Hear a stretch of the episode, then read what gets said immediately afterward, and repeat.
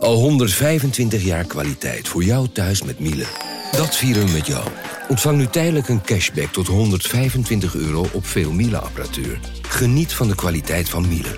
Voor perfect verzorgd wasgoed en kleding die veel langer mooi blijft. Voor een stralend schone vaat, even perfect als jouw diners. En een stofvrij thuis waarin echt hygiënisch schoon de standaard is. Check miele.nl voor alle feestelijke aanbiedingen. Hey podcastluisteraar. Ook op zoek naar een relevante invulling van je schaarse luisteruren? Tune dan in op de podcastserie ESG, even samengevat van BNP Paribas. Wij, Marloes en Aldert, spreken daar duurzame voorlopers en wereldverbeteraars. Waarover dan? Nou, bijvoorbeeld of we ooit duurzaam kunnen gaan vliegen. En waarom koeien in de stad nou een goed idee is? Dat en meer elke twee weken in een nieuwe aflevering. Dus abonneer je. ESG, even samengevat.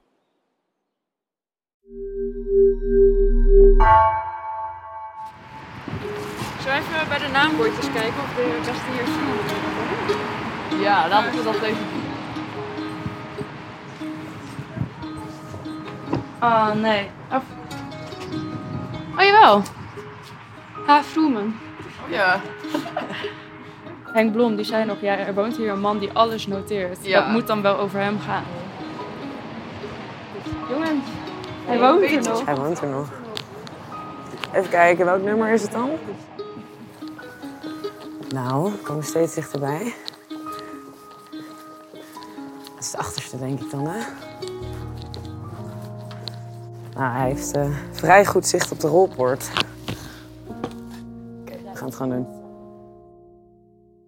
De studenten proberen erachter te komen wat zich precies in de loods afspeelde, voorafgaand en na de moord. Kunnen ze bijvoorbeeld een getuige vinden die meer heeft gezien? En hoe zit het nou met die brand?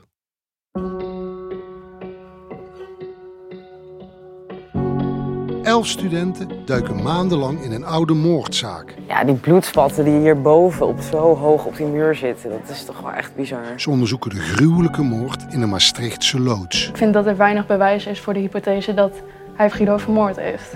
Antonio zit 24 jaar celstraf uit, maar is dat wel terecht? Je zegt, ik heb hem in ieder geval niet vermoord. Ze nemen mij mee in hun zoektocht naar gereden twijfel. Welke fouten zijn er gemaakt? Ik ben Lorena. Ik ben Jamie. Ik ben uh, Aram. ben Sanne. Ik ben Karen. Ik ben Ruby. Ik ben Dagmar. Ik ben Kimmy. Ik ben Marielle. Ik ben Billy. En ik ben Danja. Ik ben Bas Haan, onderzoeksjournalist bij NRC. En je luistert naar aflevering 5, De Tijdlijn.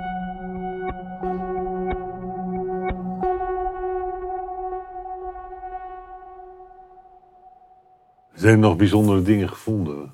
Verrassingen? Peter van Koppen zit met de studenten aan de lange tafel in hun afgelegen kamer op de universiteit. Ze hebben hun laptops opengeklapt en haar ramen scrolt door het strafdossier. Ja, eh, wellicht. Wij ehm, hebben, even kijken, een getuigenverklaring van een buurman die eh, vanuit zijn computerkamer uitzicht heeft op de loods.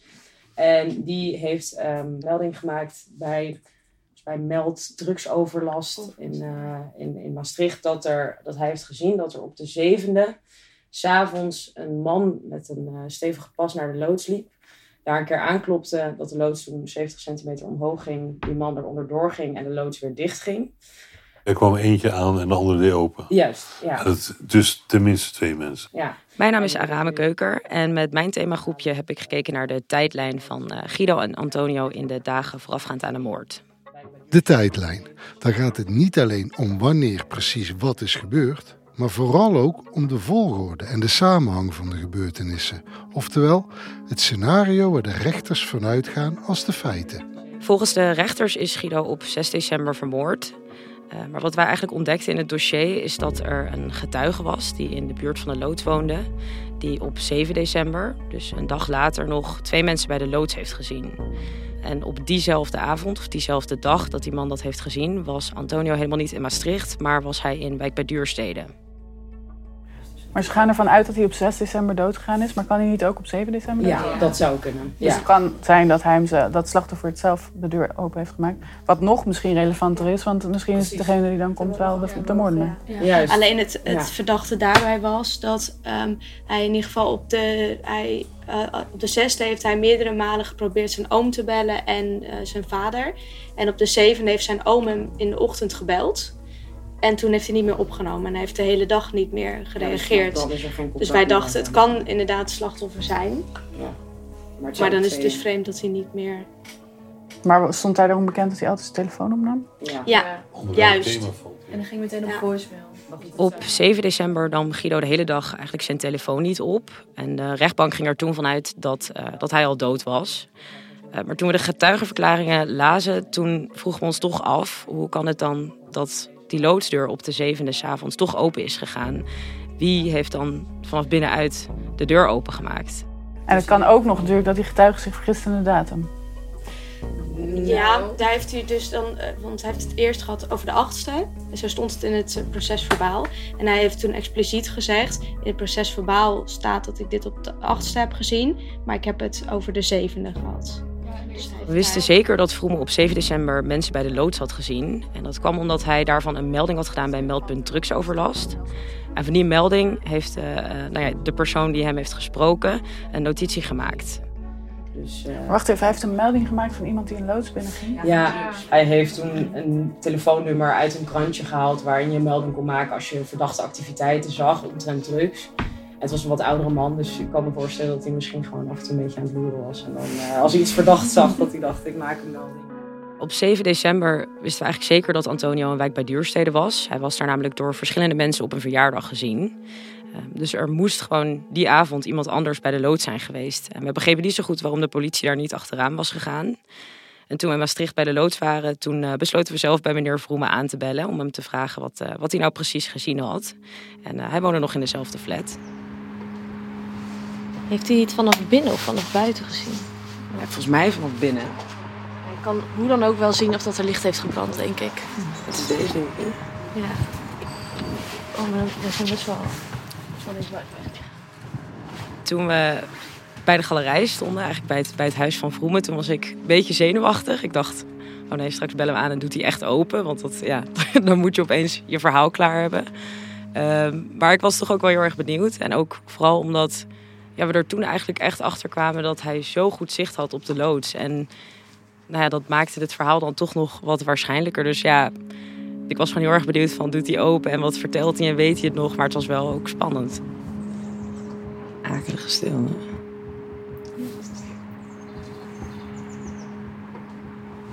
Ik zie ook niet echt iets. eh.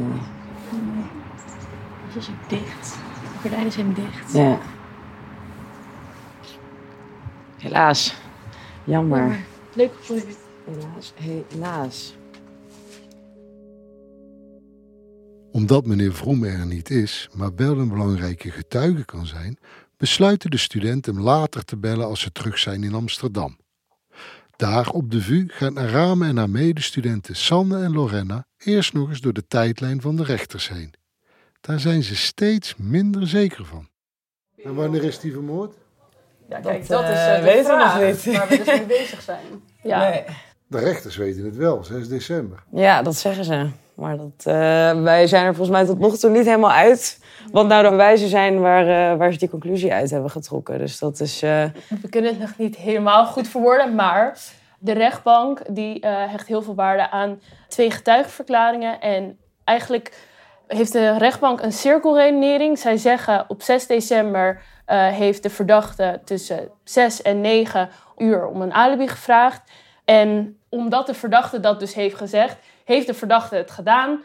En tussen in dat tijd. in dat tijdstip. Dus eigenlijk is het op basis van dat, wat de, wat de verdachte dus heeft gevraagd, dat alibi, eh, hebben zij dat tijdstip van overlijden vastgesteld. Antonio heeft aan zijn vrienden Sebastiaan en Stefan drie dagen later, dat was dan op 9 december, een belangrijke verklaring afgelegd. waarin hij volgens de rechters ook de moord zou hebben bekend. Um, hij kwam die dag paniekerig bij zijn vrienden in wijk bij Duurstede. En hij vertelde hen dat er iets verschrikkelijks was gebeurd in Maastricht. En hij heeft hen toen ook gevraagd of hij mocht zeggen dat hij op 6 december tussen 6 en 9 bij hun was. En hij vroeg dus eigenlijk om een alibi. Mede daarom denkt de rechter dat Guido op dat tijdstip is vermoord. Dat is in mijn hoofd al heel gek. Want dan ga je dus al uit van dat de veroordeelde het heeft gedaan en hij heeft dat gezegd. Dus daarom is dat tijdstip van overlijden zo. Ik heb het gevoel dat ze eigenlijk zijn gestopt bij de zesde van oké, dat tijdstip zal het tijdstip zijn geweest waarop, uh, waarop het slachtoffer is omgebracht. Ja, en ze zeggen ook het zal 6 december zijn geweest. Uh, want daarna is er geen telefonisch contact meer geweest met het slachtoffer. Dat vind, daar vind, dat vind ik al gek, want ik kan ook vanaf nu niet meer bellen. En dan is het niet dat ik dan nu dood ben. Nee. Ja, dat, dat is gek. Ik, ik merk bij mezelf dat ik veel meer twijfels krijg, maar ook veel meer frustratie. Dat ik denk van waarom hebben ze dat niet onderzocht? Want dit is heel cruciaal. Ook cruciaal in de tijdlijn, dus in het scenario dat de rechters als de waarheid zien, is de brand. Is het lichaam van Guido onmiddellijk na de moord in brand gestoken of pas dagen later? En is Antonio überhaupt wel in de loods geweest na de brand? De rechters gaan ervan uit van wel, omdat zijn vingerafdruk in goed is gevonden. Alleen, wat als het een oude vingerafdruk is die door de brand juist zichtbaar is geworden? Dat is volgens de studenten niet goed onderzocht.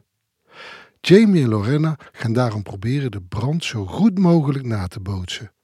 Dat doen ze met de brandweer op een oefenterrein naast een van de landingsbanen van Schiphol. Wij hebben dus allemaal dingen meegenomen en ik heb net uh, 10 liter ongeveer benzine getankt.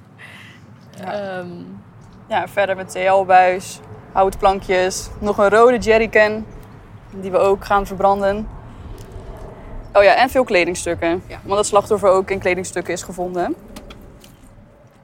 De brandweer, die bleken oefenterreinen te hebben waar je veilig een brand kan nabootsen. Oh ja. En Jamie en Lorena die konden in een soort van container uh, zo goed mogelijk proberen om de situatie in de loods na te maken.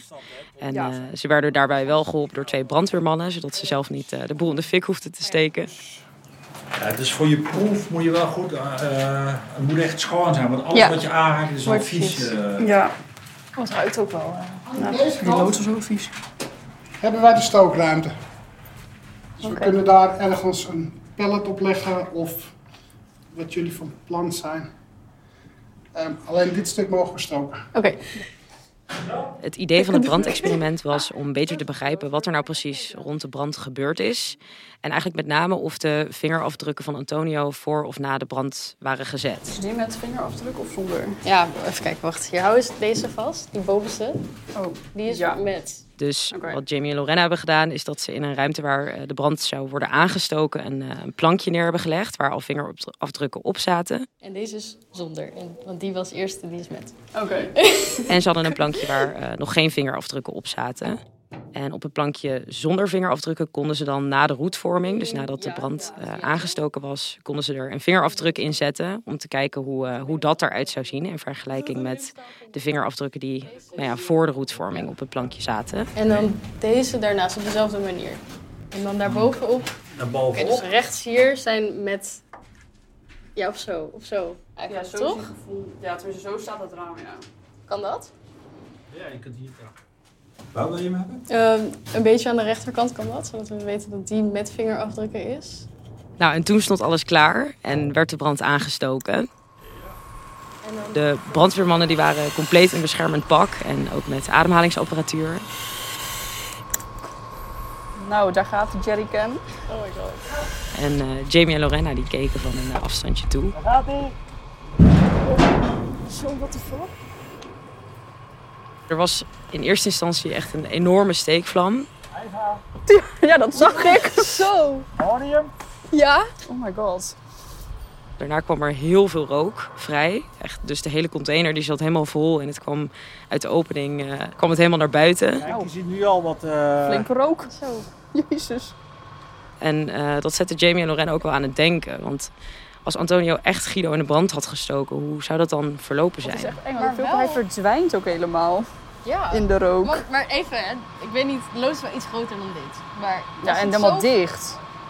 als het zo rookt, dat is, Ja, dat is toch best heftig. Oh, stel die brand heeft 15 minuten geduurd of zo, hè? dan moet het gewoon zwart. Dat is toch echt best lang dan? Daar kan je ook niet Ja. blijven in- inzitten.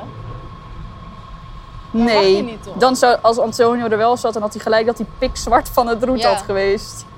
Dus dan zou je misschien ook wel denken dat degene die hem heeft aangestoken gelijk is Weggegaan. weggegaan. Ja. Degene die hem heeft aangestoken, denkt u dat diegene is blijven eh, in- de loods is gebleven? Of moest hij echt wel gelijk weggezien de hoeveelheid rook? Ehm, die ruimte vult zich eigenlijk meteen met rook.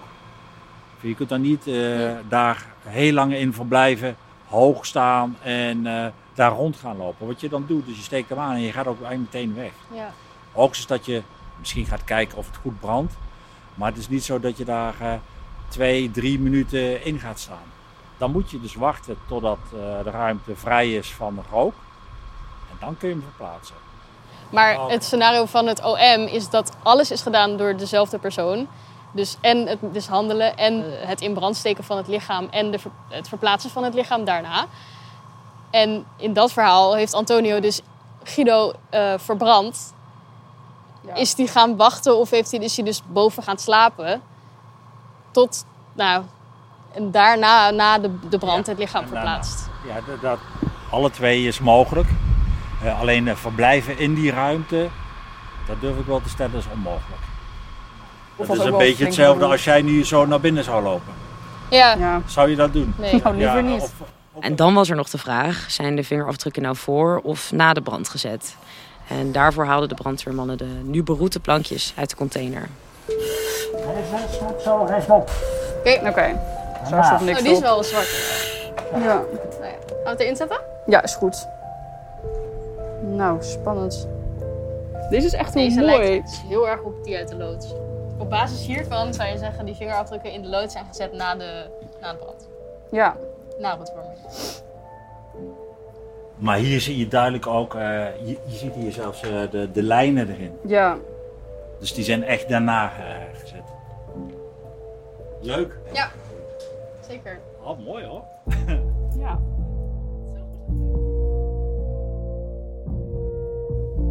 Maar welke conclusie kunnen Jamie en Lorena hier nu uit trekken? Wat zegt het experiment nu precies over de tijdlijn? Ja, het brandexperiment is aan de ene kant belangrijk om te snappen hoe het zit met die vingerafdruk in het roet. Of er voor het roet al en hoe ziet het er nou uit. Maar ook om te snappen hoe het met die brand zit. En nou blijkt opeens, als je het in zo'n experiment eh, laat zien, dat met de hoeveelheid roet die vrijkomt, dat het eigenlijk heel nagenoeg onmogelijk is dat je in diezelfde ruimte verblijft als er zoveel rook en roet gaat ontstaan. Dat overleef je gewoon niet. Dus het hele idee dat iemand erbij geweest is toen dat gebeurde, is eigenlijk onmogelijk. En dat komt dan opeens naar voren omdat je zo'n brandexperiment doet, waardoor je bedenkt, hé, hey, wacht eens even, dat is een factor die we niet van tevoren hadden bedacht, maar die je ziet door zo'n experiment. Terwijl ja, dit is wel een cruciaal onderdeel daarvan. Is die man weggegaan of niet? Hoe ging dat dan? Of andersom, hoe zou je in de ruimte kunnen blijven als er zoveel brand en zoveel rook is? En ook weer, die vraag is niet gesteld en niet beantwoord, maar het experiment blijkt, het is onmogelijk om daar te blijven. De studenten zien steeds meer onmogelijkheden in het scenario waar de rechters van uitgaan. Bovendien hebben ze nog steeds geen idee wat het motief van Antonio zou kunnen zijn. Want hoe logisch is het dat hij zijn beste vriend martelt, vermoordt en dan ook nog in de loods blijft slapen? Want wat speelde er eigenlijk nog meer in die loods in de dagen rond de moord? Na een aantal mislukte pogingen krijgen de studenten alsnog getuige Vroemen aan de telefoon.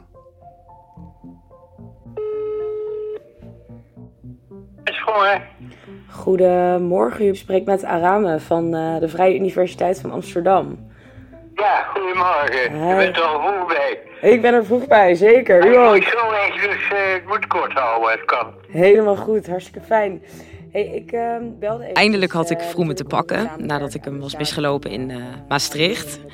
Maar goed, het was inmiddels een man van 88 jaar. En ik me er dus eigenlijk ook wel een beetje op voorbereid dat hij zich waarschijnlijk niet meer zoveel zou kunnen herinneren van de loods eh, rond de moord. En hier zitten allemaal eh 80-plussers, hè? Ja. Zo, eh, 60 bij elkaar.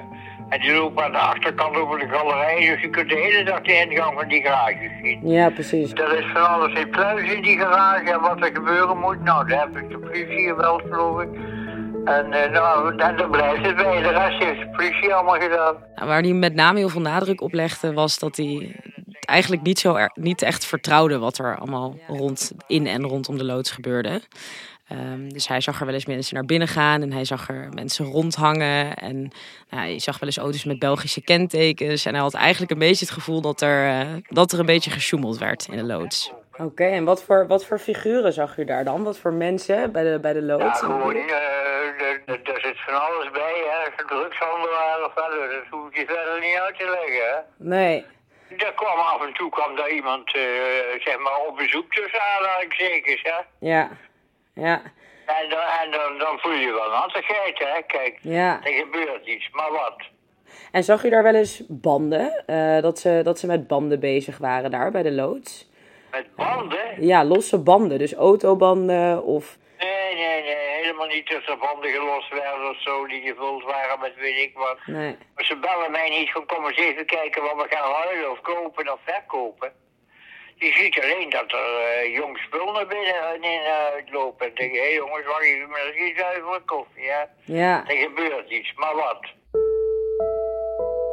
Dat het geen zuivere koffie was in de loods, blijkt ook uit andere getuigenverklaringen in het dossier. De studenten lezen die processen verbaal om meer te weten te komen over Guido en Antonio, die ze trouwens nog steeds wel eens met zijn tweede naam Alberto noemen. Wat deden die twee nou precies in die loods? Uit al die woorden komt eigenlijk ongeveer naar voren. Uh, ja, Alberto zat in de drugs. Ja, hij was een beetje leidinggevende van de drugs. Guido moest voor hem brengen en halen. Nou, hij werd ook vaak als loopjongen ja. omschreven. Ja? Ja. Maar ook dat Antonio het voor hem opnam in de vriendengroep. Ja. Als hij dan gebruikt werd als loopjongen. Mm. Ja, dus echt op heel veel verschillende manieren. In het dossier werd ons steeds niet helemaal duidelijk wat nu precies de relatie tussen Guido en Antonio was. Uh, de een zegt dat het echt vrienden waren en dat ze de hele tijd met elkaar optrokken. De ander zegt dat uh, Alberto Guido heeft mishandeld uh, of als een slaafje heeft gebruikt. maar tegelijkertijd lees je ook dat Alberto Guido wilde beschermen. Maar is dat niet ook één vriendengroep die dat zeggen? Dat mishandelen? Dat zijn, dat zijn er meer, meer mensen die dat ook zeggen, maar ook meer mensen die zeggen: nee, we zagen ze altijd samen. We waren echt goede maatjes. En... Getuigen zeggen dat uh, Guido vaker is mishandeld door Alberto. Sommige mensen hebben het ook gezien. Wat is dit nou weer voor een raar verhaal? Is, is Alberto gevraagd van, goh, die Guido die mishandelde je wel eens? Ja, ontkende hij. Dat ontkent hij aan Ja. alle kanten. Ja. En hebben jullie getuigen die zeggen van, ik heb hem wel eens zien mishandelen? En hebben jullie daar een wat uitgebreider verhaal Ja, bij? maar ook een paar... Nee, niet zien. Het is wel van, oh, ze gingen samen de loods in. En toen kwam Guido eruit en toen had hij allemaal blauwe plekken. Of Guido nu wel of niet eerder mishandeld was door Antonio, dat bleef eigenlijk heel erg vaag. Ehm, dat kwam omdat heel veel verklaringen van horen zeggen waren of uit tweede hand. Ehm, die eh, hadden het of een keer gehoord ja, of verzonnen.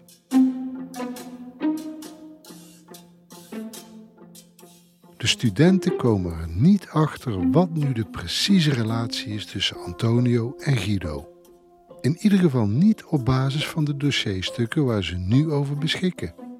Het liefst zouden ze iemand spreken die de beide jongens kende. Marielle en Kimmy spreken daarom in wijk bij Duurstede af met politieman Frank Wintermans. Wintermans was ten tijde van de moord de wijkagent en zag en sprak de jongens toen regelmatig. Het is een forense do- dorp, stad. Hè? Eh, mensen die hier wonen, die werken vaak eh, of in Utrecht. Of, eh? Dus jonge gezinnen die komen hier wonen voor de rust en voor... ja. En toch dicht in de buurt van Utrecht. Wat goedkoper misschien dan in Utrecht. Maar ook met een heel leuk, pittoresk stadscentrum natuurlijk. Ja, het muurtje heb ik net vragen. Want wij kennen uit het dossier dan dat de jongeren heel vaak bij het muurtje, eh, bij de horde zaten. Ik weet dus, idee wat dit was? Ja, dat, ik denk dat dat, dat, dat het is. Hier. Hier is het muurtje. Hier bij de parkeerplaats. Nou, ik had dit wel verwacht trouwens hoor. Want je hebt in ieder dorp volgens mij wel een muurtje. Een muurtje is blijkbaar een hele interessante plek voor mensen om op te zitten. Ja. tegenaan te hangen of zo. Dus ik, dus ik had me dit wel voorgesteld. Je hebt een beetje graffiti daar ook. Van eh, ook Ja. tien jaar geleden denk ik een beetje. Als ik het zo zie. Natuurlijk waren er wel eens wat dingetjes. Er werd wel wat gebloot en, ge, en, en ja, ook wel gedeeld, denk ik. Hè? Kijk, er gebeurde natuurlijk wel wat meer dan dat wij zagen. Dat, uh, ja, dat waren een beetje uh, straatjongens. Uh, dan moet ik heel eerlijk zeggen dat ik Antonio wat vaker zag als Guido. Guido viel eigenlijk niet zo op. En ehm, nou goed, Antonio viel natuurlijk door zijn uiterlijk al meer op. Hè? kwam uit Panama, meen ik mij te herinneren. Dus ja, in wijkbeduursteden heb je dan al een, uh, een ander, uh, voorkomen, zou ik zeggen. Het was wel een, een persoon uh, waar men wel tegenop keek, ja. En of, of dat nou een haantje was, dat, dat denk ik niet. Maar het was voor ons ook een verrassing toen wij hoorden dat zij in Maastricht waren. En daar had ik zomaar een beetje wel mijn twijfels over. Over die bandenhandel. Want ik denk van, wat moet nou een, eh, die twee gasten uit wijkbeduursteden daar nou een bandenhandel gaan beginnen? Wat was uw idee daarover dan? Uh, als het geen bandenhandel zou zijn? Nou ja, dat dat iets uh, met, met, met, met, met drugs of zo te maken zou hebben. Zou heel goed kunnen, maar uh, daar was bij mij geen, geen informatie over. Kijk, Guido was volgens mij ja, ik wil niet denigrerend zijn, maar een beetje sukkeltje van de groep, maar wel bij iedereen geliefd. Hè? Ik kan me niet voorstellen dat iemand vanuit de groep uh, zoiets zou kunnen doen, snap je? Maar wat daar voorafgaand is gebeurd, dat was erg luguber. Ja, en als je dan zegt van ja, ehm, kun je dat rijmen bij wijze van spreken? Dat, is, dat kan ik niet rijmen, nee. Het beeld dat de studenten krijgen door het gesprek met wijkagent Wintermans is dus van een beetje sukkelige jongen, Guido, en een dominante persoon naast hem, Antonio. Maar dan, een paar maanden na hun gesprek met de wijkagent, krijgen ze van Antonio's voormalig advocaat ontbrekende dossierstukken toegestuurd, met allemaal nieuwe informatie. Wat een mooie dag. Dat we vorige week gewoon dachten, huh, ontbreken nou 800 tot 900 pagina's van Bluefje. Dat we daar ook vorige week pas achter kwamen. Ja, dat vond ik wel ook vrij heftig. Bizar. Ja. Terwijl de vuur langzaam leegloopt, werken Marielle, Kimmy en haar ramen in hun verlaten uithoek van de universiteit door. Vol spanning lezen ze de stukken. Dat deze week we dit gewoon krijgen. Ja, het is ongelooflijk. Het is echt het is te mooi om waar te zijn. De hemel heeft gestrooid. Ze hadden door dat, we even een, uh, dat we even een oppepper nodig hadden, denk ik. Ja, dat is oprecht zo. dit is de best. Toen we de nieuwe stukken kregen, uh, ja, was dat echt geweldig. Het was echt weer even heel erg spannend. En uh, ja, leuk om daar weer in te duiken. En we hadden eigenlijk ook al best wel snel door dat er uh, waarschijnlijk heel veel informatie in zou staan ehm, die we nog niet hadden. Maar even kijken, tot nu toe in die eerste twee stukken is dus het um, interessantste gewoon sowieso natuurlijk de delictgeschiedenis. In de nieuwe stukken staat allerlei gedetailleerde informatie over Guido. Het gaat daarbij om aantekeningen die niets met de moord te maken hebben, maar die door de politie in de administratie van andere zaken, aangiftes, getuigenverklaringen en wat dan ook zijn bijgehouden. Uit dat zogenaamde Blue View informatiesysteem blijkt dat Guido een bekende van de politie was. Opeens doemt een heel ander beeld van hem op. Die gewoon heel vaak benzine heeft gestolen. Bij allemaal verschillende soorten. Maar echt heel vaak, hè? Kentekenplaat. Uh, ja. In november heeft hij ook gewoon, oktober, november heeft hij zoveel delicten gepleegd. Ja. Ik bedoel, ik heb er nu weer één. Hij heeft drie keer dat hij te eerst een verbod voor dat winkelcentrum heeft gekregen. Daarna vervolgens heeft hij bij de C1000 proberen te stelen. Twee dagen daarna heeft hij bij de Jumbo proberen te stelen. Ja. En ook zonder Antonio, hè? Ja. Dus hij is ook telkens gearresteerd of in verband gebracht met die misdrijven zonder dat Antonio daar ook bij was.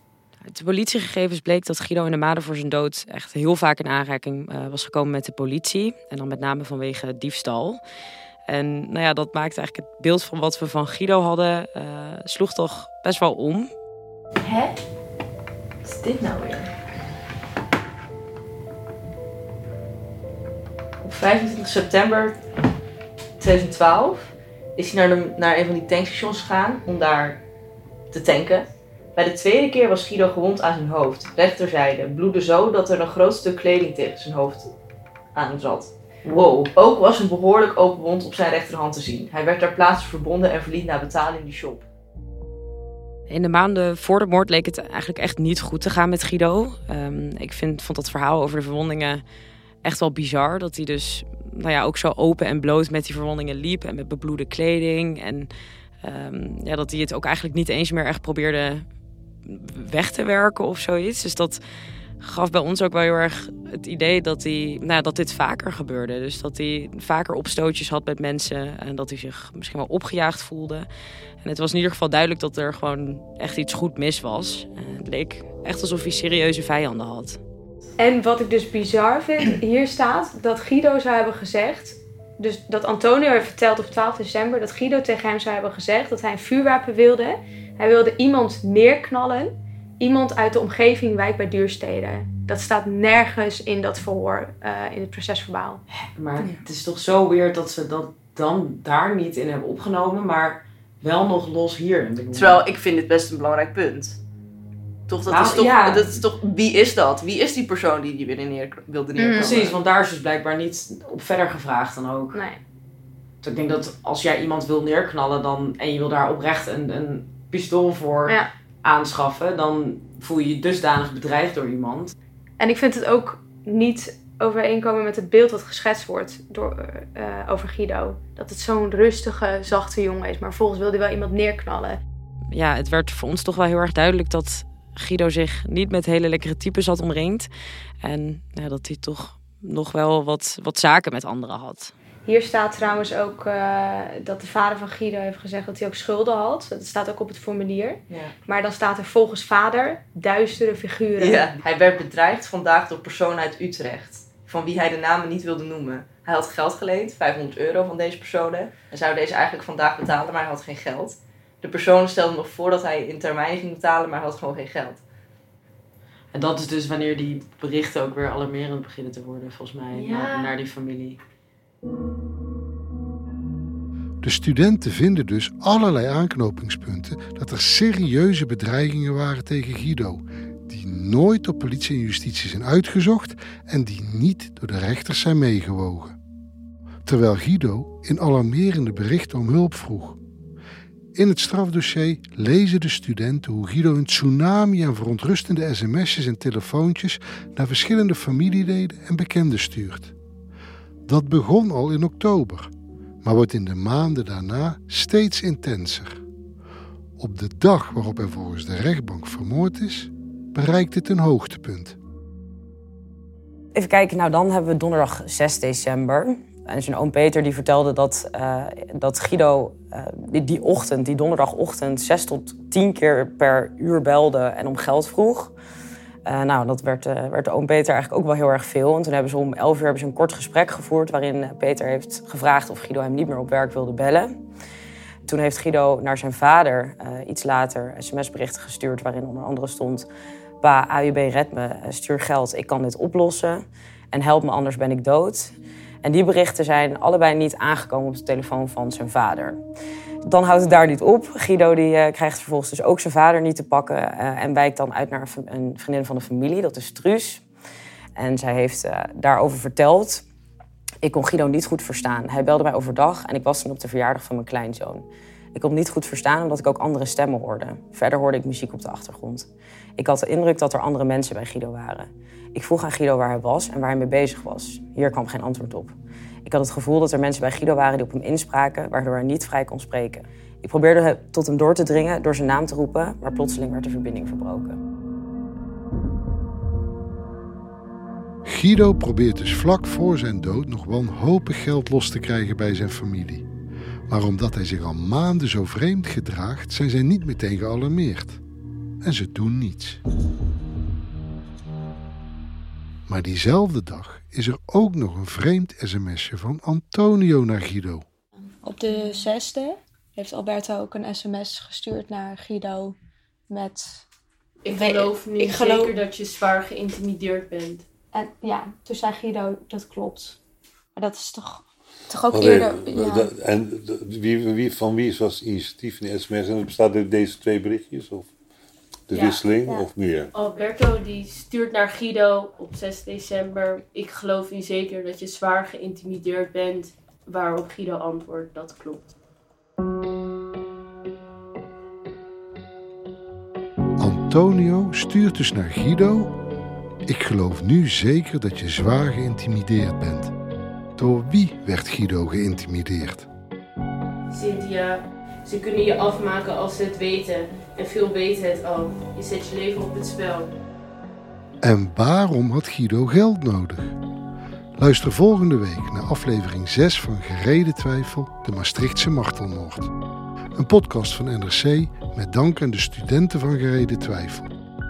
Gemaakt door Tessa Kolen, Gabrielle Arder, Anna Kortering en mijzelf. Jeppe van Kesteren en Jan-Paul de Bond deden de montage van deze aflevering en de muziek werd gecomponeerd door Alexander Reumers. Eindredactie door Mirjam van Zuidam.